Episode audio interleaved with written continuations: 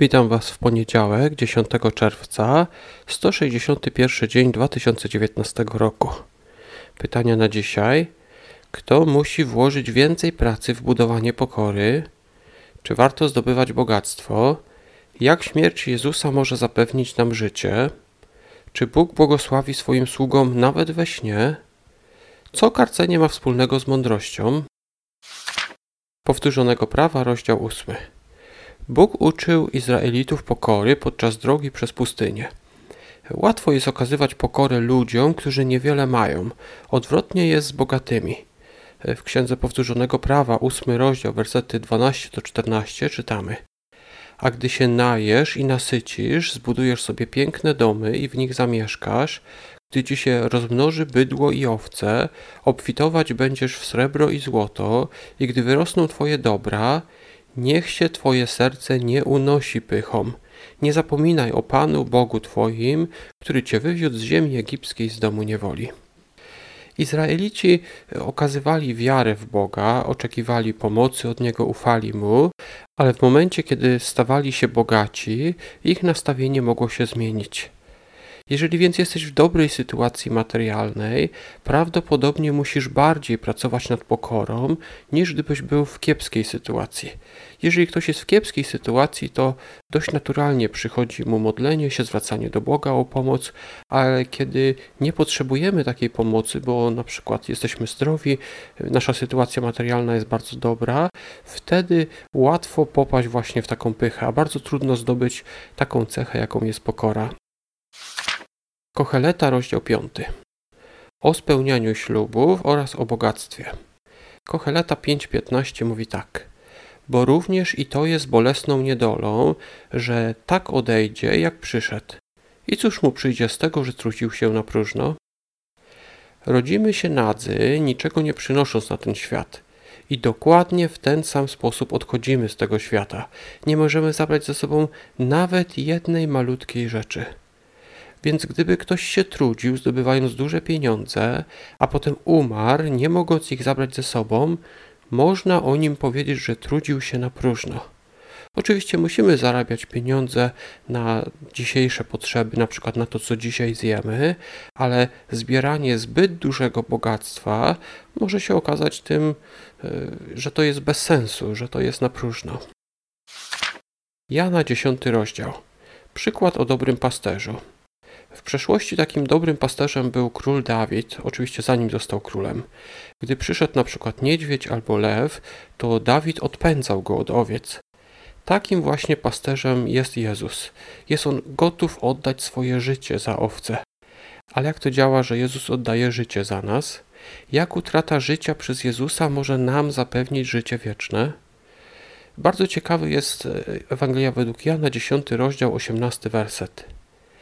Nikt mi go, chodzi tutaj o życie, nikt mi go nie zabiera, lecz ja od siebie je oddaję.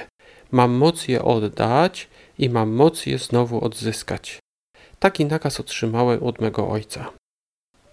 Ten werset mówi o tym, że nikt nie zabiera życia Jezusowi, on sam je oddaje. Wprawdzie zostanie zabity, czyli można by powiedzieć, że ktoś zabiera mu życie, ale Jezus na śmierć idzie dobrowolnie, bez walki, tak jak owca na rzeź. Tak więc oddaje on swoje życie dobrowolnie, oddaje swoje życie za ludzi.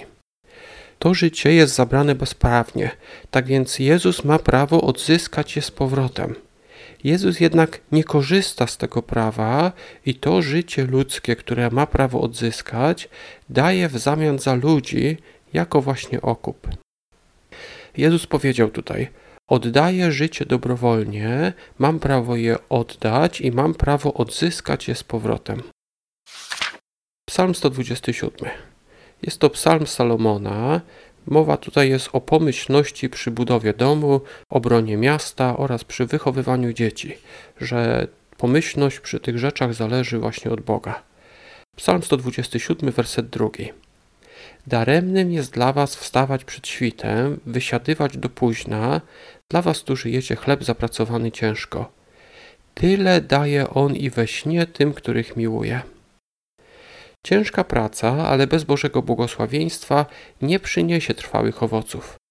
Ktoś może wstawać wcześniej, kłaść się bardzo późno spać i mieć dużo, dużo pracy, ale będzie mieć mniej niż ktoś, komu Bóg błogosławi, chociaż on jeszcze śpi. E, ten werset nie zachęca wcale do lenistwa, że ktoś, kto służy Bogu, może sobie leniuchować w łóżku, nie wstawać wcześnie rano i Bóg i tak mu pobłogosławi. Wskazuje raczej na główne powody powodzenia. Powodzenie zależy powodzenie w pracy zależy od naszej pracy, od wytrwałości, od godzin, ile będziemy pracować, ale najbardziej zależy od Boga, od Jego błogosławieństwa. Księga Przysłów, rozdział 17, versety 10 do 12. Czy przyjmujemy karcenie od Boga?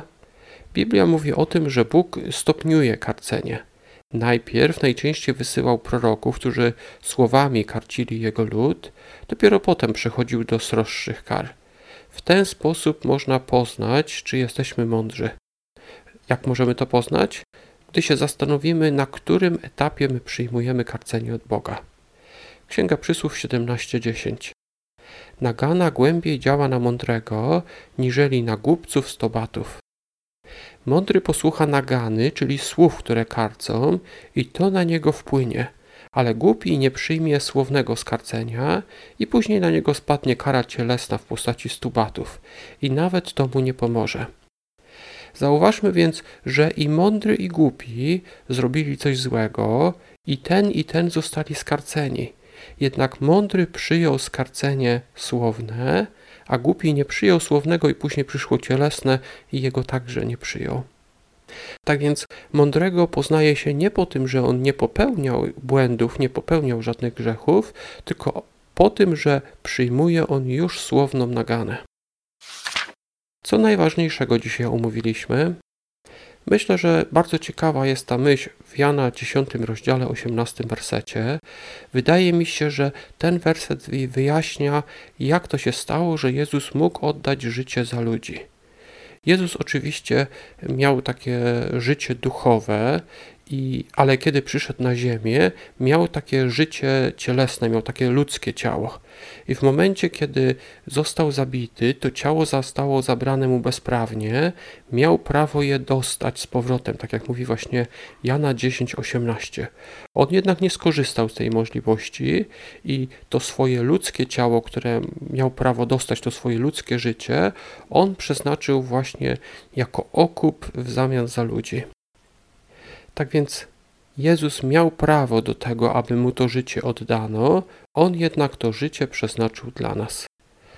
Tak ja rozumiem ten werset, tak ja rozumiem właśnie kwestię okupu. Czy wy także w ten sam sposób interpretujecie ten werset? Napiszcie mi może w komentarzu, jak rozumiecie to, co zapisano w Jana w 10 rozdziale, wersecie 18. Na dziś to wszystko. Do usłyszenia jutro.